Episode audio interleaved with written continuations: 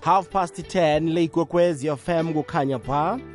Imachumi amathathu ngemva kwesimbi yechumi ku-90.6 kuya 107.7 fm sibamba naku-www ikwekwezi fm co za leli hlelo sithi-ke vuka uzitshathe la sitshetshe khona amabhizinisi sithuthukisa amabhizinisi.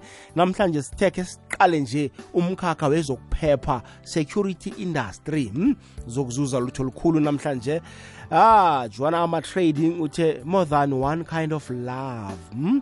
all right namhlanje ke bakodwa sikhambisana eh no so ngangani masanabo umahubani kalumbe uvela lapha kwaso ngangani agent and private security uzositshela njengebhizinisi yezokuphepha yobusecurity bona ungayithoma njani? Okwakhona la mlaleli gokwez f m siyakuhlomisa ubona nawe kusasa ukhona ukuzithomela ukuthize kwakho.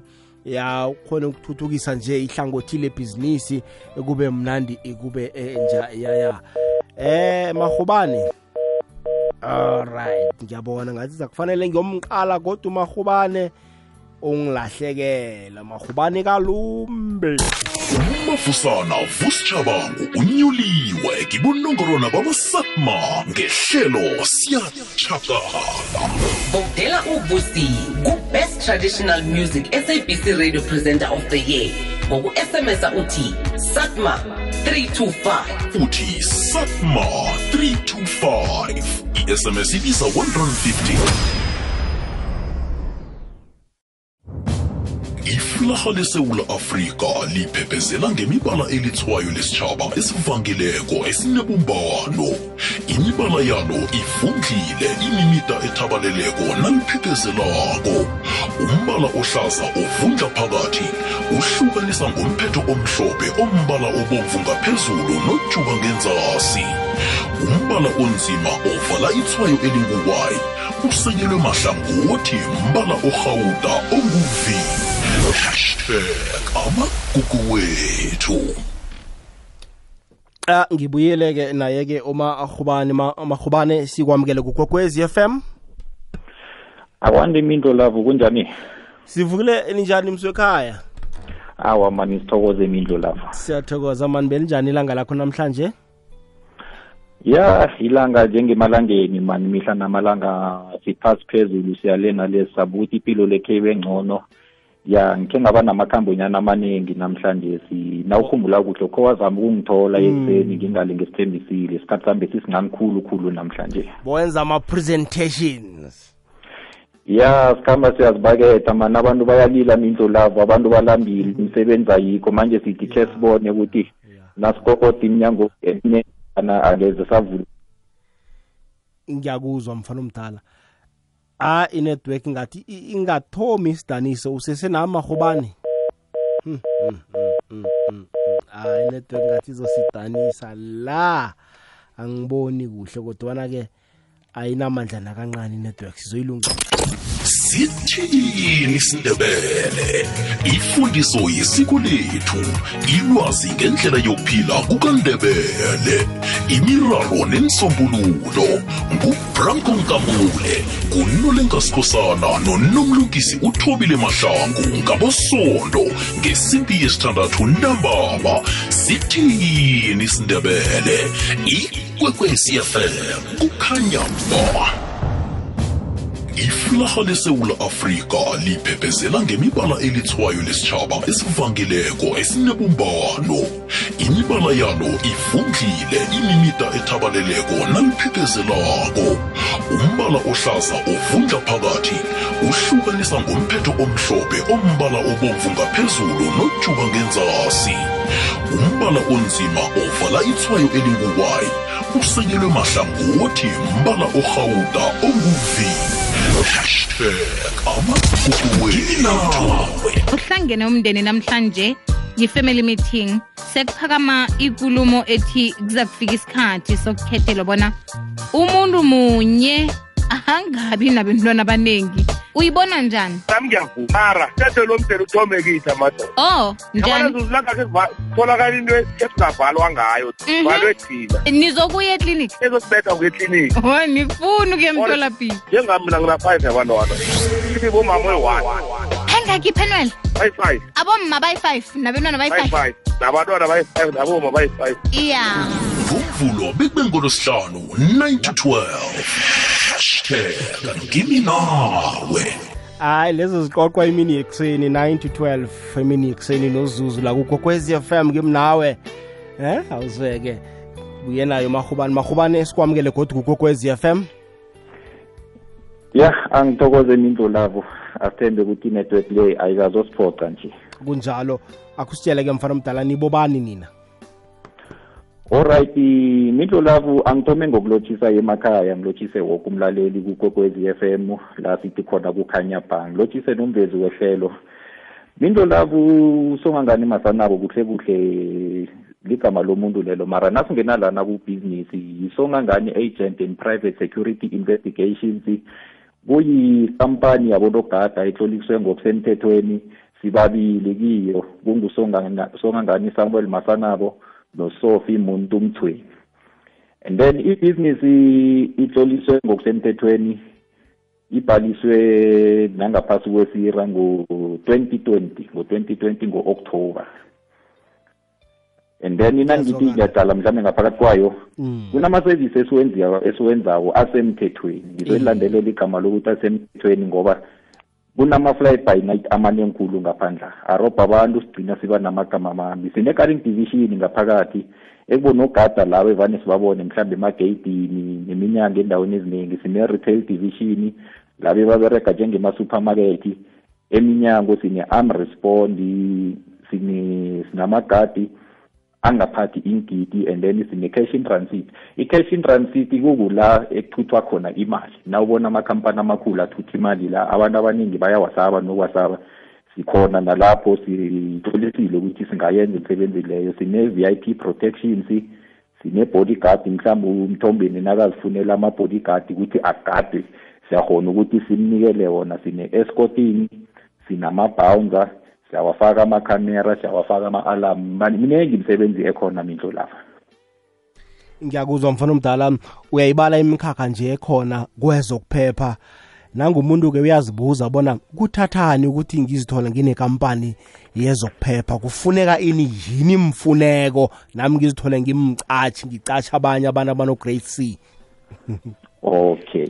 Ya ilula kodwana kuzokose ukuthi umuntu azikhuthuze into le sithoma lapha ngokurejista ibizo lekhampani ngaphakathi kwehlangano ye-CIPC CIPC nawurejistako uthola i-certificate esiza negama lekhampani and then uyakhona ukuthi ufake ne-triple b e ngaphakathi lapho.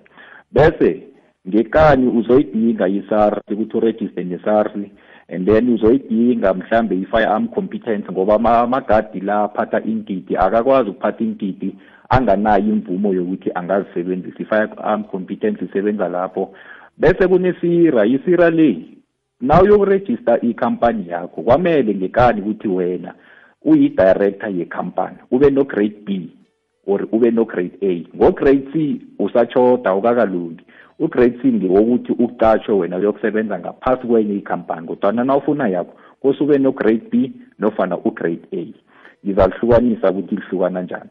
i-UIF i-ref number uyayidinga ukuze mhlawumbe uzokhona ukuthi urejiste iinsebenzi zakho ukhona ukuthi ube ku-good standing lapha ku-government. Lapha kusira na uregistered into zakho zikhamba kuhle uyayithola i-good standing nayo ikupha amathuba ukuthi mhlambe ungazitholela imisebenzi. Bese na usaregiste njalo i-business insurance uyayithoga ngekani uyayithoga i-business insurance okungasenani mhlambe engakukhava nge-five million. And then kunenye bathi national key point ngibona amagada amaningi ayayeqa. I-national key point uyakhona ukuthi mhlambe njengabo-airport usebenzele lapho. And then enye into lapha ku-government sinenye into esithi yi-c s d report central supplier database ngeye-government. Ifana ne-profile. Nawungena ngaphakathi kwayo ubhalisa ibhizinisi yakho inento eziningi ezokubuza zona na uzibhalako into ezozigcwalisa uba ngaphakathi ku-government ukuthi nabathi bayahlola ukuthi sinabobani mhlambe sinomsebenzi thizeni bayakhona ukuthi nawe bakuthinge. Bese njenge-director njengoba besengitshile uyayidinga i-grade b. Yena ngithi i-grade b jemuthi uyoyirejista nesira ube semthethweni. Indlu lapha no ngiyakuzwa mfana omdala uthi umuntu kufanele azitlolise into zakho zonke zikhona ukuba semthethweni. Alo nguzokhuluma ngendaba ye-insurance. I-insurance le ikhavara ini? La ku-insurance asikhulumele njengathi la ku-subsea security.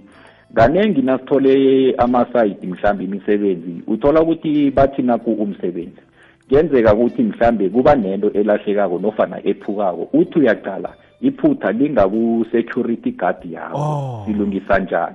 Bese kula nathi esikhulumisana khona ne-insurance yethu ukuthi noma kube nephutha elinje akheni isihelebhe bese bakhona ukuthi let's say mhlambe kuphuke ifastera kwamindlu lavo imindlu lavo akanaphutha iphutha lingakithi siyakhona ukuthi silifake ifastera lelo nge-insurance. Akhe sithi mhlambe nangu umsebenzi u eh, uyabhubha emsebenzini asemsebenzini. Ayingeni lapho i-insurance umsebenzi wakho unogada? Ya. Umbuzo lo ngiyawuthanda mindlu lapha ngizokukhulumela lakithi sizathi nahlanganako ngelinye lamalanga mhlambe nasitashanako angeke sazi uyibone. Sinayo i-insurance besifake ngaphakathi ne-life cover yemsebenzi ngoba saba nenhlanhla sathi nasithola mahobane mahobane. hayi network iyasiphikisa khonje ilo sharing ibuyile iyasiphikisa ke network yo sikhambeni ke somqala le igogwez FM kukhanya ba iba lichumi nekhomba imzuzu. Ngaphambi kobana kubethe isimbi yechumi nanye sitsheje umkhakha la wezokuphepha i-security industries khambisana nebakwa so ongangani agent and private security eh mahobane eh, besikhulume ngendaba eh, ze-insurance. Bosahlathulula indaba ye-insurance ne- ne-live cover ezokukhavara umsebenzi mahobane ya mindlo labu sichubekele ngayo-ke ke bengisatsho ukuthi ngaphakathi kwayi-insurance le i-life cover sinayo and uyayidinga njengomuntu orana ihwebo lakho. Uyayidinga ukuthi nakwenzeka ukuthi kube nesigameko esinjengaleso ukuthi kugcina sekuba nomuntu mhlawumbe ohlongakalako. Bakwazi ukuthi beze bazosiheleza inayo into enzima leyo leda ngeze ka mhlawumbe ka-advertise kanti kuyazwakala.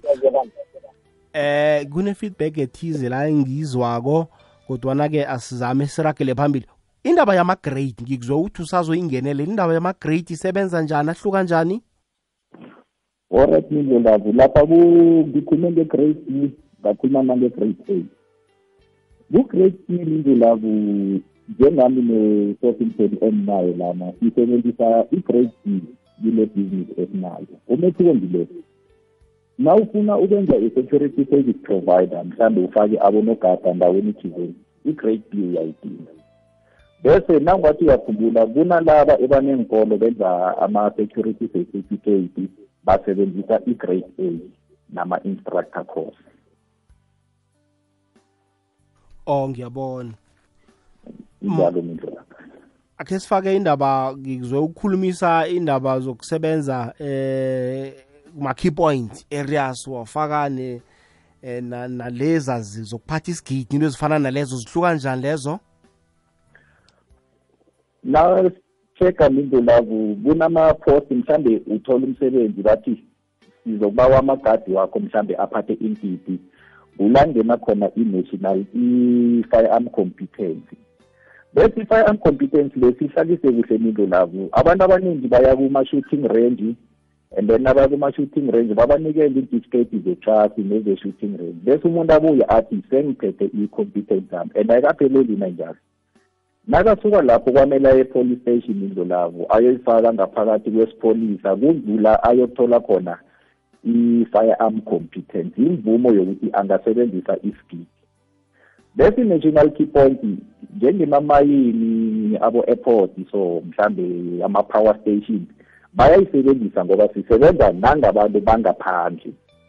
Angazi uyambamba nawuthombeni eh sikubamba kamnandi khulu. Ne-sabc nayo i-national key point. Union building into ezifana nalezo. Yes ngoba sesidila nangabantu ebabuya ngaphandle. Mhlawumbe ngingayibeka so awunalungelo elipheleleko na unganayo ukuthi ungamkhuthuza umuntu obuya ngaphandle. Ona uthi ubuya ngaphandle obuya kwamanye amazwe. Obuya kwamanye amazwe ingakho uyiza ithi national so oh. Mhlawumbe umuntu ngale afrika le. Ngiyabona. Manje ke iintshijilo eziba nazo kule bhizinisi mahubane indlela iintshijilo ziningi ziningi and ezinye zakhona zilahlani kwakho angeze wazinothisa na umuntu mhlambe o- ongaqapheli khulu. A- angenze kuzena zokubalela ezimbili bese ngifakelele lapho nalapho. Ibhizinisi le ifeleni angeze walithoma nofana wa- walikhambisa ungakajami kuhle ngesikhwameni. Isitshijilo sokuthoma yimali.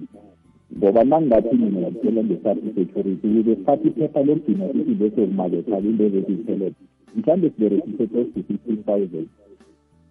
Close to fifteen thousand and uthi uyaqala mhlawumbe aphelela msebenzi inkathi emnayo waphelela msebenzi walala ungamasi iintshijilo zaba ziningi khulu.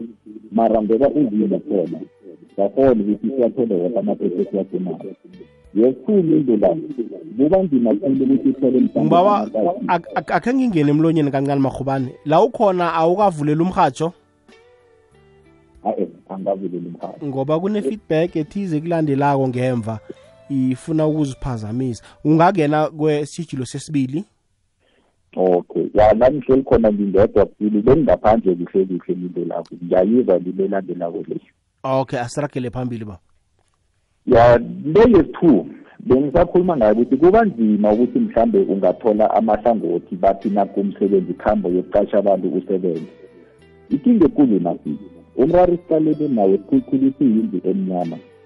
Kunento ngilize ngobulula nindlelazi ngithi mina umona kuba nomona omningi obuya ebantwini esikhulukhulu otshidelene nabo. Imele yodina sibonile yenzekile.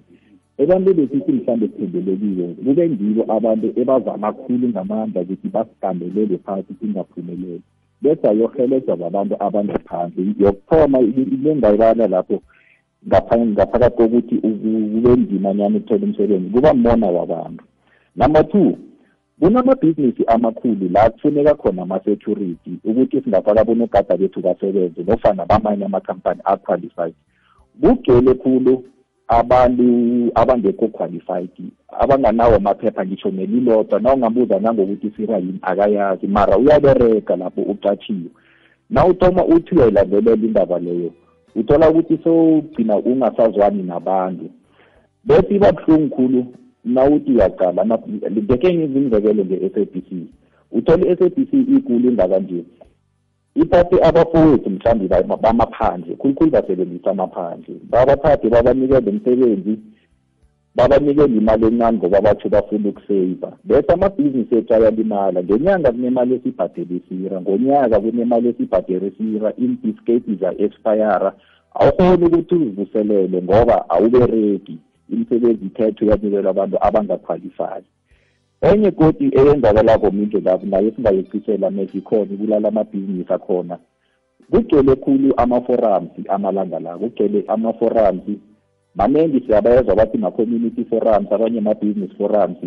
Mara nawuthi uqala indlela bakhambisa ngayo ama-forums wabo akude nokuthi mhlambe ungathi baberegela umphakathi or njani.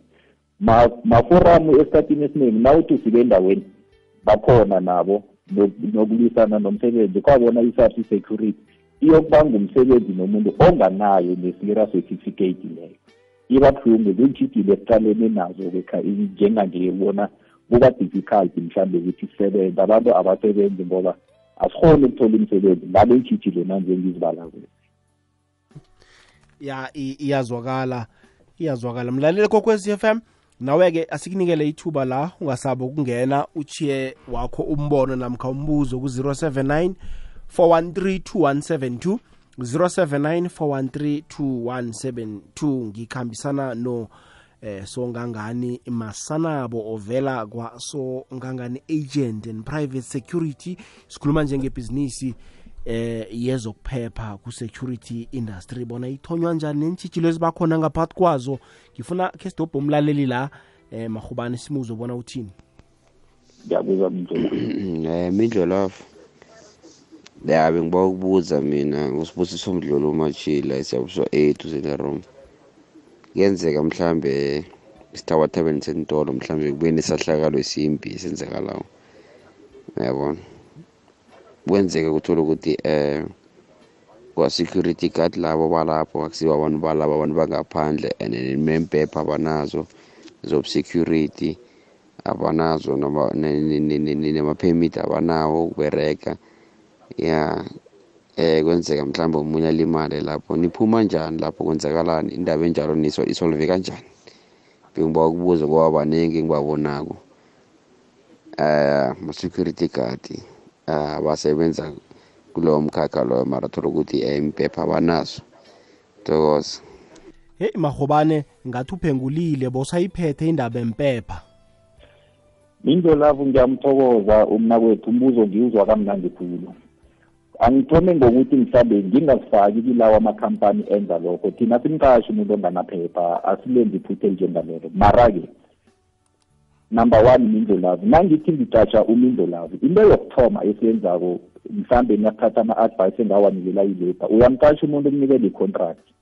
And umuntu awumnikeli i-contract anganazo impepha so angazi amakhampani la akhona ukukwenza lokho ukuthi nakuvela izehlakalo njengalezo ukuthi bazilungisa njani ngizabe ngikhuluma mala nangingathi ngiyazi. Angazi ukuthi bazilungisa njani. Khona khona siyazibona ngoba ngezemzini sizisa sizicalile mara-ke godi ngingathi ebantwini abalise ukungenelela imikhakha la bazikhona ukuthi abafuneki ngoba nakalimeleko yero nofana abhutile kuloba bekhaya.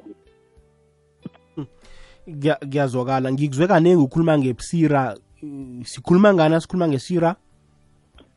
Nasikhuluma ngesira mindu labo sikhuluma nge-private security. Kusho ukuthi angithi umuntu into yokuthoma uya esikolweni la ayokufundela khona ukuthi khuyini i-security. Bese lapho uzokufunda mhlambe for the period of three weeks or four weeks or five weeks sekuzanga ukuthi okwenza ini. Bese lapho bazokuthatha ama-report wakhe nakaphasileko bayomrejista ngesira. Mina engiberegisako ingale nge-centurion mara-ke na uthi aqala ethaba ukuthi lapho epretoria ikhona ngibo labo bayokucheck mhlawumbe ama-fingerprint bayokuhlola ukuthi umuntu lo akanama-criminal record urehe ukuthi angabereka ngento ezinjengalezi nakuyihlangano egade negcale abonogada ngaphandle eseleni africa iyazwakala mswekhaya ngifuna akhe sijike ngapha nangibuya la sidobha omunye umlaleli godi mlaleli wekwekwecfm inomboro yemoyeni ishukulukile kwanje sewukhona ukudosela amahlelo woke nendabeni ezinabileko ngenomboro eyodwa. 086 000 3278 ithi 086 000 3278 injalo le ndaba omlaleli gokwez FM ibamhlanu kimzuzu ngaphambi kobana kubethe isimbi yechumi nanye sikhambisana nosongangani masanabo ovela lapha kwasongangani agent and private security. Sithatha imibuzo yakho mlaleli gokwez FM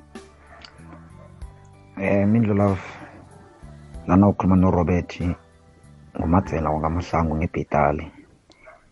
Mina ngibawa ukuthi khe bakuhlathulule khulukhulu. Eh ngibona indawo engihlala ngakuyo abantu abaningi. I-security basayinyaza kungukuthi bayithathela phansi. So ngifuna ukuthi abahlathululele ukuthi i-security ithuthuke kangangani nje. Sinabantu namhlanje abathi ababereki bahleli. Kodwa nama umtshela nge-security ubona i-security ke ngazathi kungumsebenzi onyazekile so ngifuna ukuthi akayichaze akayihlathulule kuhle ukuthi i-security le seyikuphi ngezinga? Seyikuphi eh ngombana i-security yanje ne-security yakade yaqala mina ngibona ingasafani. Ngithome umkhakha lona ngo-2017 nanje ngisabereka phakathi kwawo. Kunemkhakha eminingi ku-security nami bengingayazi kodwana ngithe ma ngikuhamba nayo ngiyicala ngabona kodwa nyani security nezinto eziningi. Security kuhle kuhle inesinkwa mindlu lapho. So ngawa ukuthi kayihlathulule lapho.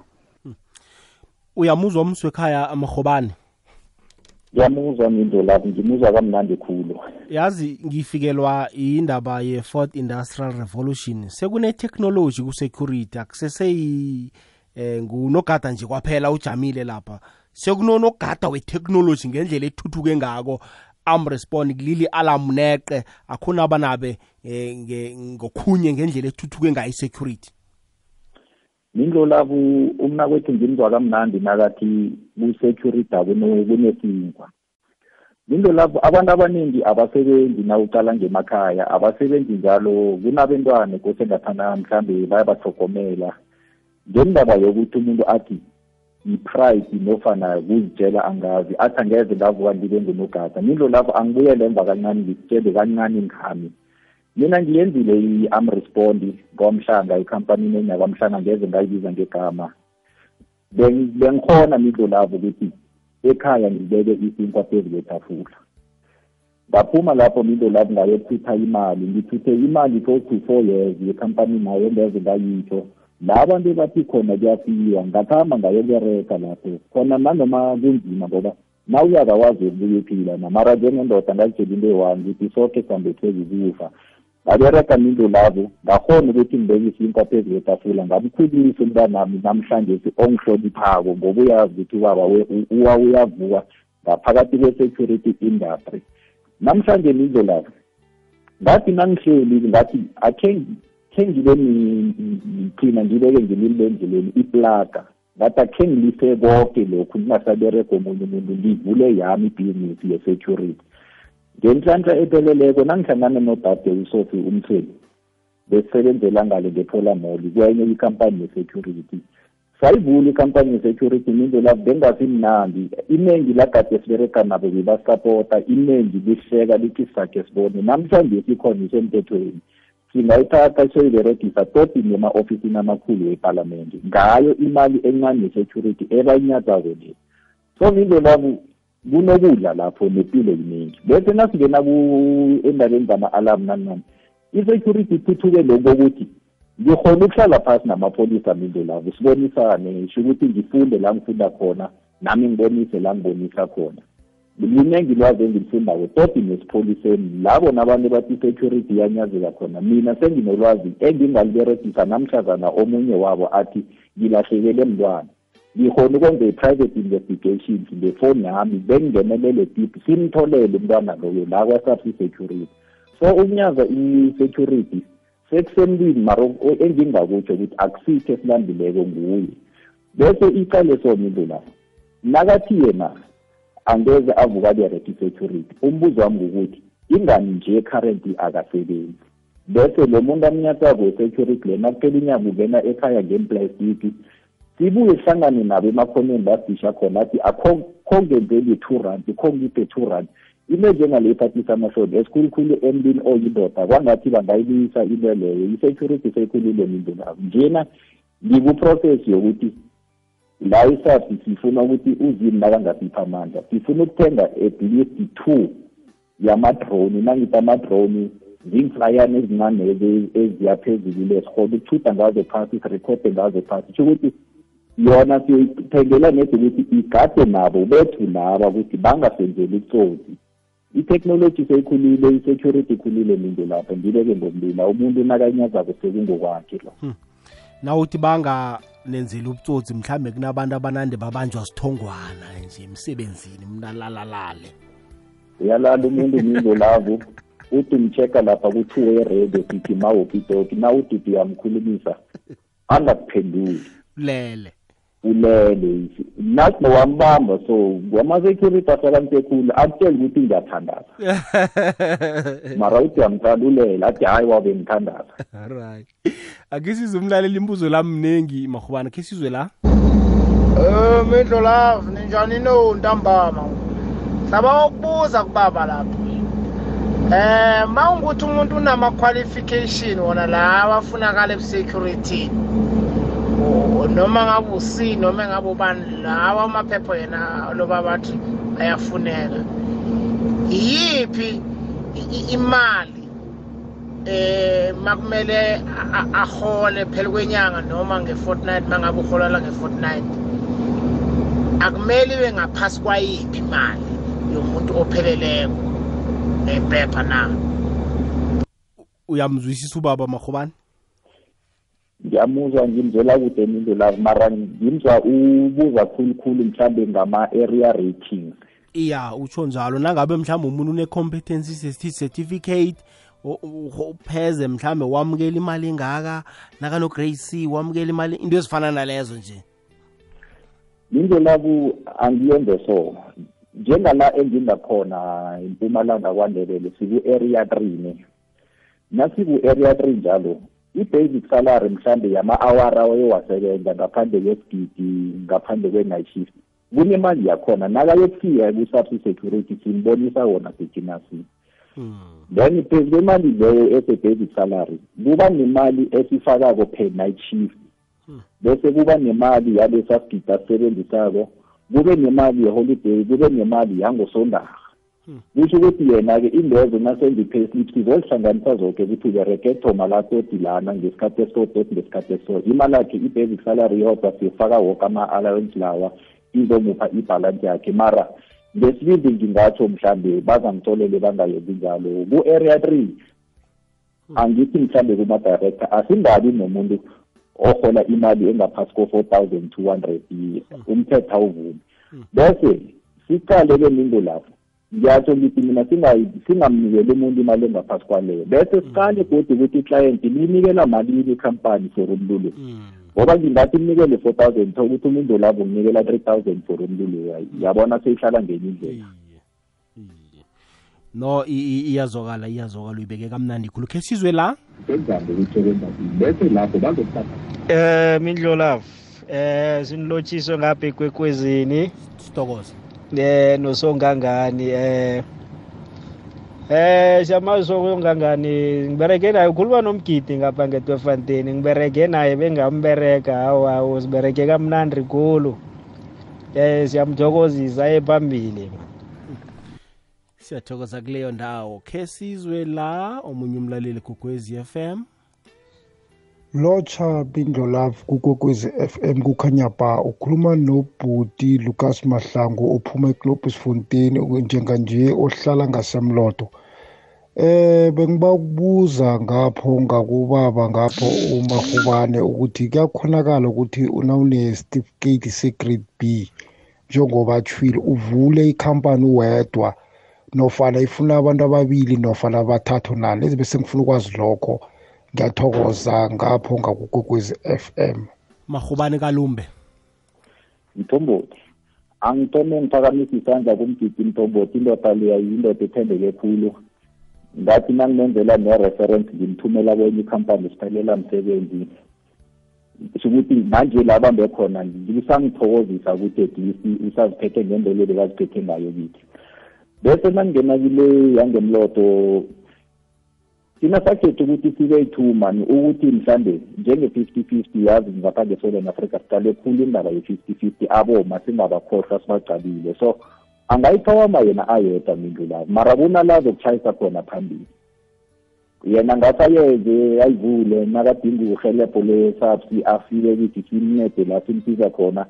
Mara-ke mina ngingathi angayenzi ayedwa. Akathole mhlawumbe omunye umuntu. Baningi abantu sibaningi khulu mani la isaphi vane ngithi sishoda nangomuntu omunye mhlawumbe okhubazekileko ngoba sifuna ukubhalansisa yoke le nto leyo ngithi masenjalo mhlawumbe amahwebo la asizenzeli thina senzele umphakathi. So yena ngayenza yedwa akhambe mara uyokufika ngelinye ilanga kuphume ithenda kuphi kuphi abethe ukuthi lo ukuhamba nomama loya ukuhamba mhlawumbe nomuntu okhubazekileko izinto ezinjengalezo ninto la iyazwakala msekhaya size la?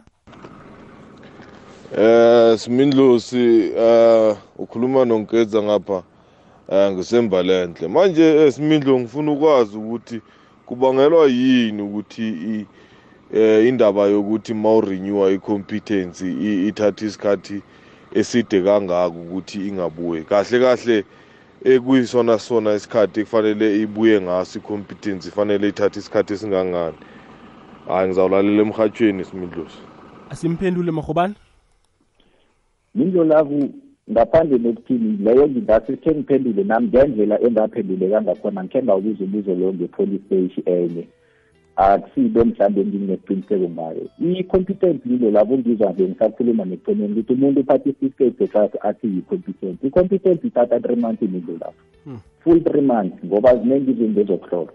Bese ukuvuselelwa kwayo bangithi i-advice ukuthi ngingayilindi phele lesikhathi ukuze izokhona ukubuya masinya. So mina ngavuselela yebhizinisi yami ngonovemba unyaka wesiphuma kuyelo khani ngithole inyanga ephelileko le ngithathe khulu nangendaba zabo-covid-19 bekusicindezela so into engithi ithatha isikhathi ngicabanga ukuthi yinto yokuyilisa iphelele isikhathi I- iyazwakala siyathokoza isiyeleliso sakho. Sizwe la? Um mindlola vuma baswela ebhetali eh anginalo iphepha le-security but ngiyayizwa inkulumo ngoba ngiyivulelile ikwekwezi. Mina bengisacela ukubuza la kubhuti ukuthi na ngoba uma kumele uba yi- yi-security eh asikhulume ngesitifiketi uba yi-security uma uphethe isitifiketi siphinde sibe registered kusira so ngithi kubhuti isira yona ayikhoni ukuthi ingalandelela and then ibone ukuthi na kunama security companies lawa asebenzisa abantu bangaphandle bokuthi abanazo iy'mfanelo amaphepha namasira na abakhoni ukuyilandelela lento leyo ukuze bathole lawa ma-fly by night ukuthi aze aphele ngoba abobhuti wethu nabosisi bethu badinga umsebenzi abawutholi umsebenzi.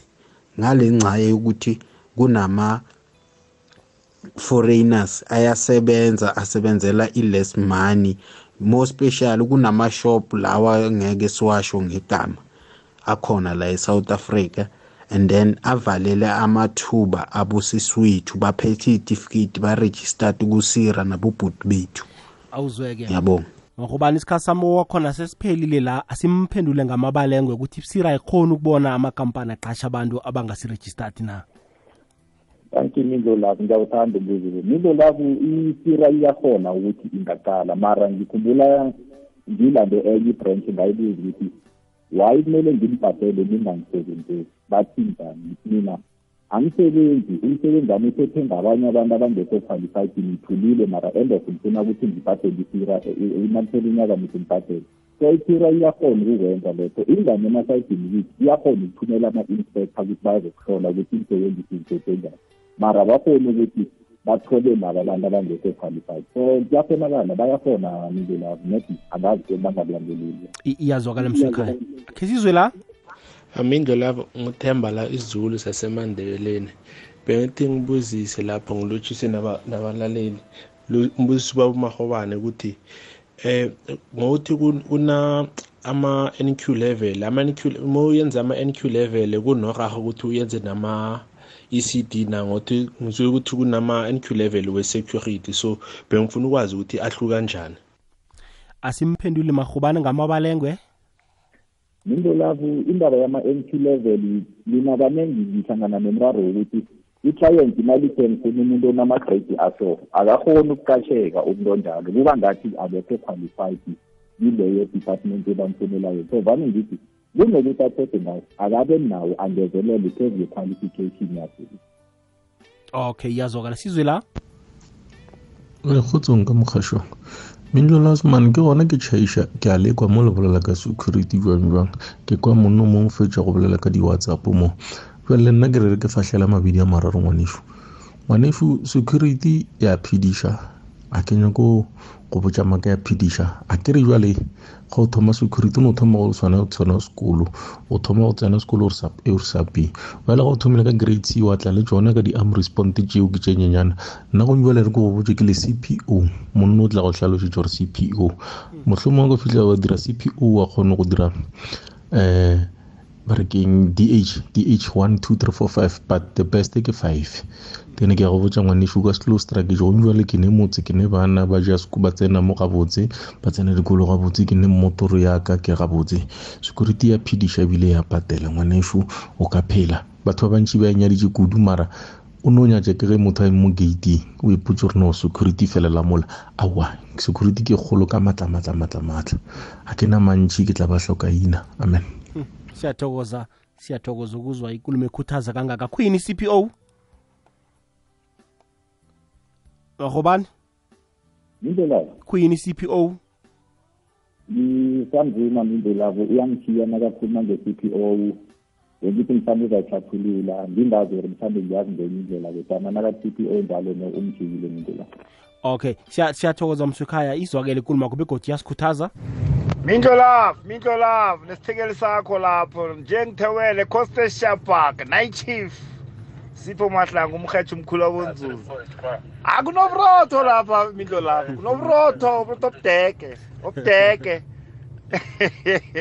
Abantu abangaziko bazase baqale bathi akunabrotho. Ungumantshingelani mara asikhambe. Uza kubona uzakwenza into ezika- ezithusa abantu nawu- nawuvuthiweko. ya kunoburotho obuhle uyangithola mindlo lavo Ah, sekuyadipenda ukuthi eh uzikhuphula njani uzweke ya akukho la nganaburotho khona mindlo lavo hayi siyathokoza mswekhaya siyakuzwa uthewukele Eh Mindlo love. Hayi ngibonga ngibonga ngibonga kubaba uyayiphendula. Bengifuna ukwazi vele ukuthi uma ubereka akumele imali yakho ibe ngaphasi kwa kwayiphi i- inani. So sengiphendulekile. okay baba siyathokoza. Sizama ukugijimisa abanye abalaleli. Hey baningi abantu abanetshisakalo nge-security. Um bahobani kokutshela iqiniso? Khe ngizwe la. Unkulunkulu somandla wena ngiyabulutsha baba ebusukwini banamhlanje baba. Baba baba ukuthoma okay mama. Mama uza kubuya akazwakali kuhle uphasanyana. Mindlolavo hayi yona ayisifele. Yokuthi bacatsha amaphandle abantu banentifiketi abantu bahloga umbereko ngapha emakhaya bacatsha abantu bangaphandle abanganantifiketi ngesibongo sokuthi batsho abafuna ukubhadela amakampani akafuni ukubhadela abantu yikho bacasha amaphandle nje. Ingathi lo ibsira le ingalandelela yazi? Sekuthi e-south africa izinto ezinje abazithathi serious abafuni nangemali e-south africa neningathoma umguruguru wokuthi abantu batoyitoyi batoyitoyela indaba le yentifiketi nekuthi bacasha amaphandle ba- anganantifiketi awa kungaba yinto enye kulukulu ayisifair. Uh, hayi khona mahobane ngibabona siyivale baningi abalaleli banetshisakalo ke-security amagama akho okugcina nitholakala kuphi? Lavo mindlo lavo angeze nje just isemkhathini ngizana imincane nje mindlo lavo ngithi angithokoze kuye woke umuntu othe khe ngithathe i-industry security le ngiyokuphila ngayo. Kwangathi uzimu angabapha amandla bangagcini ngokusebenza bosathi security kodwana bazivulele newabo amarhwebo we-security bavulele phambili ngempilo bangathomi banyazi nakancane i-industry security iyaphilisa mintu lapho.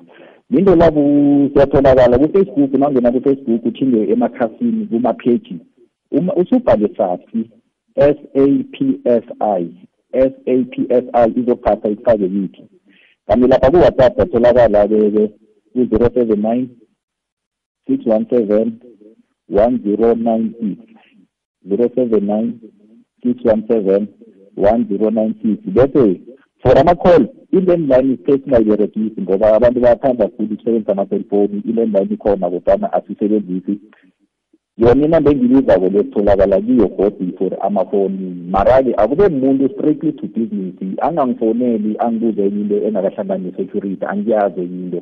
Kodwana ngaphakathi komkhakha lo wabonogada lapho ngizokhona ukuthi mhlawumbe ngihelebhe into lapho ngiyathokoza nangisikhathi eningiphe sona ngithokoze kumbezi wehlelo abofrankoseni ngiyathokoza.